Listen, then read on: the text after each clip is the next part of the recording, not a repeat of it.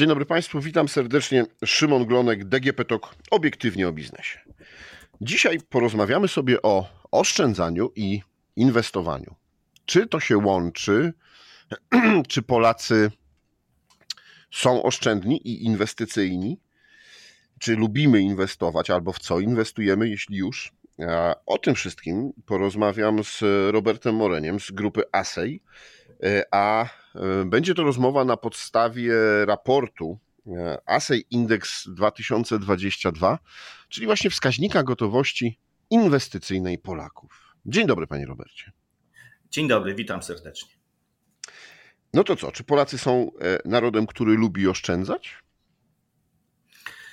Z naszego raportu ASA Index wynika, że przede wszystkim lubimy konsumować.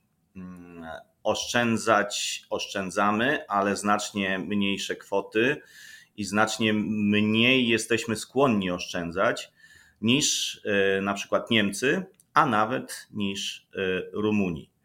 E, z naszego raportu, to jest druga, druga edycja tego raportu, wynika, że my przede wszystkim bieżące środki konsumujemy.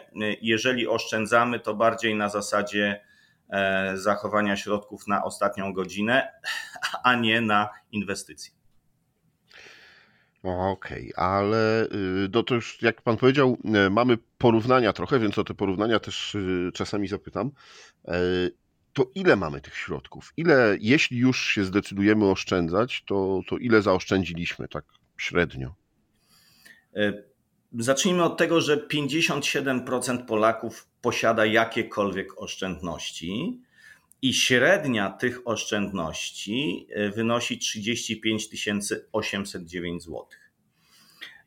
W ubiegłym roku, bo to jest druga edycja badania, ta średnia wynosiła 30 688 zł, co oznacza Czyli wzrost. Jest lepiej. No, oznacza to wzrost nominalnie o 20%, około 20%. No ale jeśli weźmiemy pod uwagę inflację, jeżeli weźmiemy pod uwagę wzrost kosztów, no to można uznać, że mm, Polacy utrzymali swój poziom posiadania e, z ubiegłego roku. No bo nominalnie wzrosło, realnie jest mniej więcej na tym samym poziomie. Jest to w jakiś sposób optymistyczne, oczywiście. A czy w tych 57%, y, którzy już się decydują oszczędzać, y, którym się udaje, bo może tak, bo może to nie jest tak, że wszyscy byśmy chcieli, y, tylko nie, nie wszystkich na to stać, o to też zaraz będę pytał, ale czy tych wśród tych osób, które, które oszczędzają, no to właśnie wyróżniamy, nie wiem, ze względu na wiek, ze względu na wysokość zarobków właśnie, ze względu na to, w jakim miejscu w Polsce żyjemy, E, oczywiście istnieje korelacja pomiędzy wysokością zarobków a, a mm, poziomem oszczędności, to jest dość oczywiste. E, natomiast y, to, co się rzuca w oczy, co, co jest ciekawe, mm, to to, że e, młodzi ludzie mm, często oszczędzają mniejsze kwoty, ale oszczędzają. Natomiast osoby starsze no, stwierdzają, że oszczędzanie, oszczędzanie 100 czy, czy 300 złotych miesięcznie nie ma sensu, e, co jest błędem. I e, no, myślę, że właśnie młodzi mają dużą, dużo większą skłonność do, e, do oszczędzania. Mm, oczywiście mieszkańcy wsi bardziej oszczędzają, natomiast dużo mniej inwestują. Znaczy oni rzeczywiście trzymają pieniądze, bo lubią mieć poduszkę finansową ale też, co jest ciekawe, y, zmniejszyło, zmniejszył się odsetek tych, którzy trzymają pieniądze w domu. Bo w ubiegłym roku co piąty Polak, y, przepraszam, co czwarty Polak trzymał pieniądze y, w domu, w tym roku już co piąty, czyli 20%. To też mm, wskazuje, że Polacy zauważyli jednak wpływ inflacji i uciekają z tymi pieniędzmi. Mm, I tu jest bardzo interesująca różnica pomiędzy rokiem ubiegłym a obecnym, mianowicie taka, że e, e, o 13% spadł, spadł odsetek tych, którzy trzymają pieniądze na zwykłym rachunku typu ROR, rachunku bankowym. No ale jak popatrzymy, co z tymi pieniędzmi robią, no to przenoszą je ale z banku do banku, to znaczy przenoszą je na lokaty oprocentowane albo kupują obligacje. Jedno i drugie daje zwrot zdecydowanie poniżej inflacji, no bo najdłuższe obligacje 12-letnie tutaj można liczyć na 8%, a, a lokaty powiedzmy są 6%. E, przypomnę, że inflacja to jest 17,3%. E, czyli e, no, tutaj nie tyle chodzi o generowanie zysków z inwestycji, co minimalizowanie straty. Mhm. No dobrze, a to jeszcze dopytam o te oszczędności. Ci, którzy nie oszczędzają, to w deklaracjach chcieliby, ale właśnie za mało zarabiają, albo uważają, że takie małe kwoty, o jakich Pan mówił, no to się nie opłaca. E, czy po prostu nie, nie mają potrzeby e, oszczędzania? E, to nie jest tak, że wszyscy, którzy mogliby oszczędzać, to by oszczędzali. Mm, wiele osób po prostu nie ma świadomości tego, że, mm, no, że warto oszczędzać. Wiele osób żyje z dnia na dzień i no, wyznaje zasadę, jakoś to będzie.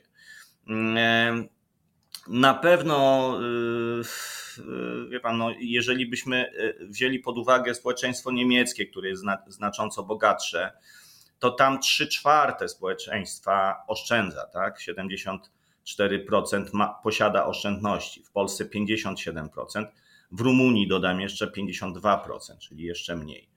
E, to na pewno ma związek z mm, poziomem e, rozwoju społeczeństwa ekonomicznym. Natomiast nigdy nie będzie tak, że 100% będzie oszczędzać. Mhm. No dobrze, powiedział Pan już, że nie trzymamy w domu, albo coraz mniej e, trzymamy tych, e, tych pieniędzy w domu. Trochę też nauczyliśmy się, że ROR nie jest oprocentowany albo jest bardzo słabo oprocentowany, więc tam nie. Obligacje, e, no wiadomo, ucieczka i minimalizacja strat, ale to nadal straty. A czy szukamy, czy jest jakiś odsetek, który, który szuka, nie wiem, akcji albo jakichś funduszy inwestycyjnych, albo jakichś innych form, nie wiem, może nieruchomości? Mm, tak, e, ten ruch się mocno nasilił, to znaczy rzeczywiście Polacy zauważyli inflację i zauważyli to, że mm, ich oszczędności topnieją i starają się poszukiwać e, tych bardziej no, powiedzmy agresywnych inwestycji, czy, czy takich, które dają trochę większy zwrot niż poziom inflacji, potencjalnie przynajmniej. Mm, no ale jeżeli popatrzymy na, na pierwszą trójkę najbardziej pożądanych y, mm, y, instrumentów, w które Polacy chcą inwestować, to y, są to rzeczy, które mają wymiar materialny, bo pierwsza trójka to są nieruchomości, 58% uważa, że warto inwestować w nieruchomości. Na drugim miejscu są e, metale szlachetne, na trzecim są dzieła sztuki. Czyli e, Polak e, no, generalnie lubi dotknąć, lubi mieć poczucie, że ta jego inwestycja ma postać materialną.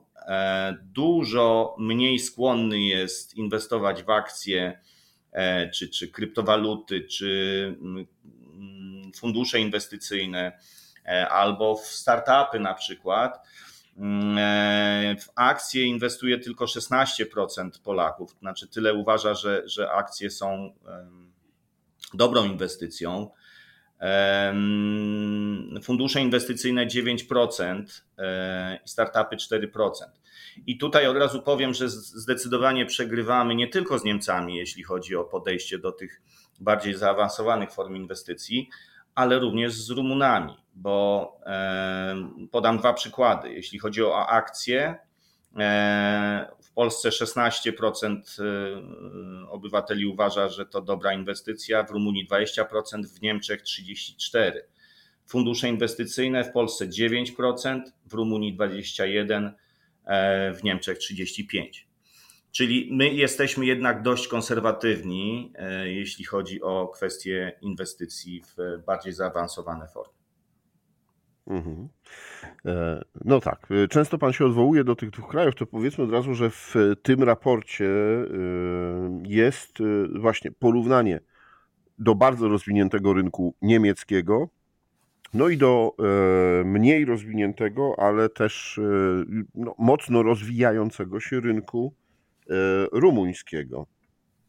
Tak, to jest e... też nasze badanie i my postanowiliśmy sprawdzić po prostu, jak te nasze wyniki polskie wyglądają na tle innych krajów.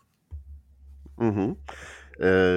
No i tak globalnie patrząc, zanim wrócimy jeszcze tylko do rynku polskiego, to daleko nam brakuje do Niemiec i jak jesteśmy właśnie z Rumunią, no, która też ma za sobą e, mocne przeżycia, jeśli chodzi o okres e, komuny, e, a nawet można by powiedzieć, że dużo gorszy start niż Polska po 1989 roku. Tak, zdecydowanie. Mm, ja podam może najprostsze dane, czyli E, ta, to, ten wspomniany poziom średnich oszczędności w grupie, która te oszczędności posiada. Przypomnę, w Polsce 35 809 zł. W Rumunii przeliczeniu na złotówki 22 tysiące e, złotych i uwaga, w Niemczech 670 tysięcy. Przepraszam, 370 tysięcy złotych. Mm, e, czyli e, to jest, e, no mówiąc krótko, dziesięciokrotnie bogatsze społeczeństwo niż Polska. My możemy się pocieszać, że posiadamy o 70% aktywów więcej niż Rumunii. Ale oczywiście siła nabywcza w różnych, w poszczególnych krajach jest inna i jeżeli to przemnożymy przez siłę nabywczą, no to w Polsce posiadamy około 60 tysięcy średnio oszczędności 60 e, tysięcy złotych. E, w Rumunii 40 e, kilka i w Niemczech 340, czyli tutaj nam się troszeczkę spłaszczyło, ale to jest ciągle sześciokrotnie gorzej niż Niemcy i o 70-60% lepiej niż Rumunii. No tak, nadal, nadal widać, że mamy co nadganiać i że sporo pracy przed nami. E, żeby wypracować sobie e, te oszczędności. E, no dobrze, a to, bo badaliście jeszcze też, jak patrzymy na swoją przyszłość finansową. I badaliście to też i w Polsce, i, i, w Niemczech, i w Rumunii, więc no dobrze, który z krajów jest najbardziej optymistyczny albo najmniej pesymistyczny? No, chyba to drugie należy przyjąć jako kryterium, dlatego że wszystkie kraje są pesymistyczne. E, my zapytaliśmy o dwie rzeczy y, w związku z wpływem wojny w Ukrainie, rosyjskiej agresji na Ukrainę, e, na Twoją sytuację finansową i drugi wpływ inflacji. I okazuje się, że w obydwu przypadkach e, Polacy są najbardziej optymistyczni. Ja wiem, że to brzmi bardzo źle, bo no, wojna w Ukrainie spowodowała, że co piąty Polak mniej oszczędza i co czwarty mniej inwestuje. Ale w Rumunii jest jeszcze gorzej, bo tam 43% mniej oszczędza, 40% mniej inwestuje. E, Niemcy są gdzieś po środku. E, I to jest też zadziwiające, że Polska jako kraj frontowy jednak trochę mniej mm, odczuwa, przynajmniej y, mentalnie, E, zagrożenie ze strony tego e, konfliktu, zagrożenie dla własnych finansów, przypomnę. Jeśli chodzi o samą inflację, e, no to tutaj jest jeszcze gorzej, bo 27% Polaków mówi, że zmniejszyło swój poziom oszczędności czy przestało oszczędzać, a 29% przestało inwestować. W Rumunii ponad 50%, w Niemczech ponad 30%. No i wracając do tego pytania o e, przyszłość, e, to zacznę od tego, że w tej chwili 28% Polaków ocenia swoją sytuację finansową jako złą lub bardzo złą. W Rumunii 38%, w Niemczech 33%. Natomiast e, kiedy zapytaliśmy e, Polaków, Rumunów, Niemców o o to, jakie są ich przewidywania, jak zmieni się sytuacja w ciągu najbliższego roku, no to to jest chyba najbardziej wstrząsający wynik tego raportu, bo w Polsce równe 50% spodziewa się pogorszenia własnej sytuacji finansowej. w Rumunii 58%, a więc jeszcze więcej, i w Niemczech, bogatych Niemczech, 52% Niemców uważa, że ich sytuacja finansowa za rok będzie gorsza niż obecnie. No tak, nie jest to optymistyczne, tym bardziej, że e, wszyscy ekonomiści mówią, że ekonomia to nauka społeczna, więc jeśli społeczne odczucia są tak trudne i, i tak pesymistyczne, no to żeby to nie była samospełniająca się przepowiednia.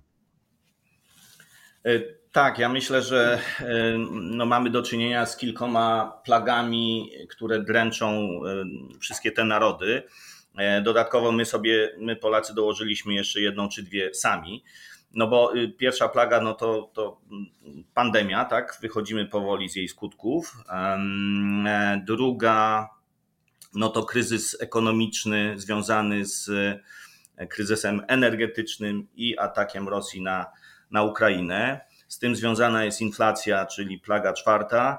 No a w Polsce dołożyliśmy sobie jeszcze plagę pod tytułem Polski Ład, który bardzo dużo napsuł, mm, jeśli chodzi o nastroje społeczne. Mm, ale mimo tego jakoś wychodzimy z tego jako Polacy w miarę e, najmniej poturbowani, porównując do, do Niemców i e, Rumunów. Zdaje się, że Niemcami przede wszystkim wstrząsnęła E, ta wojna w Europie, która się wydawała nieprawdopodobna i skutki z tym związane, podejrzewam, że też uzależnienie gospodarki, e, energetyczne uzależnienie gospodarki od Rosji. E, I chyba te nastroje mm, mm, trochę podsycane przez doniesienia medialne są tam po prostu mm, najgorsze. Mhm. No dobrze, to jakbyśmy tak zatoczyli koło i jeszcze bym zapytał o to, Powiedział Pan na początku, że y, my najchętniej e, konsumujemy, czyli wydajemy jednak nasze pieniądze na, na różne dobra, które spożywamy tu i teraz, niekoniecznie spożywamy w tym takim e, dosłownym tego słowa znaczeniu. E, a jak wypadamy na tle właśnie Rumunii i Niemiec? Znaczy, przede wszystkim powiem, że my mamy dwie, dwa, dwie blokady, które nas troszeczkę, które przeciwdziałają temu, żebyśmy więcej oszczędzali i więcej inwestowali. Po pierwsze, nam się wydaje, że duże kwoty są potrzebne, żeby y, oszczędzać. E, po drugie, że jakaś specjalistyczna wiedza jest absolutnie niezbędna.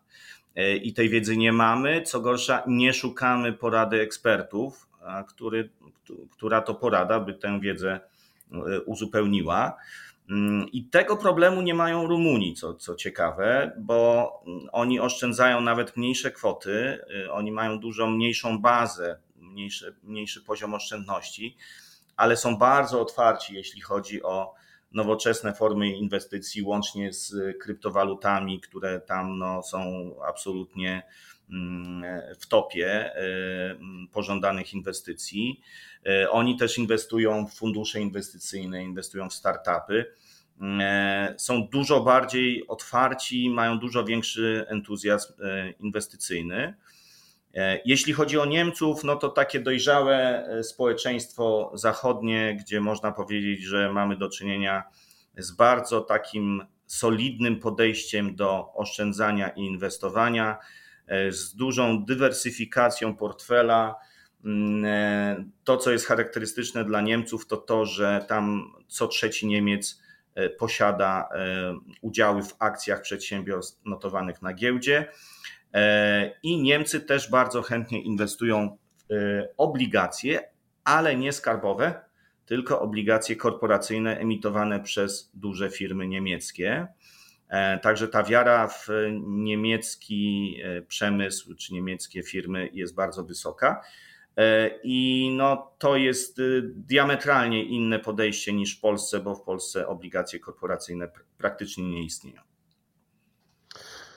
No, proszę Państwa, jak widać, dużo nauki i dużo pracy przed nami, ale patrząc na to właśnie, jak zamożni są nasi zachodni sąsiedzi, no to myślę, że warto tą pracę i tą naukę mm, wykonać, żeby też wiedzieć, e, jak pomnażać swoje oszczędności. A myślę, że z naszego podcastu może kilka osób się przekonało, że warto nawet drobne kwoty e, miesięcznie odkładać, bo zawsze po roku, dwóch, trzech czy kilkunastu latach uzbiera się z tego e, porządna suma. Dziękuję panu bardzo.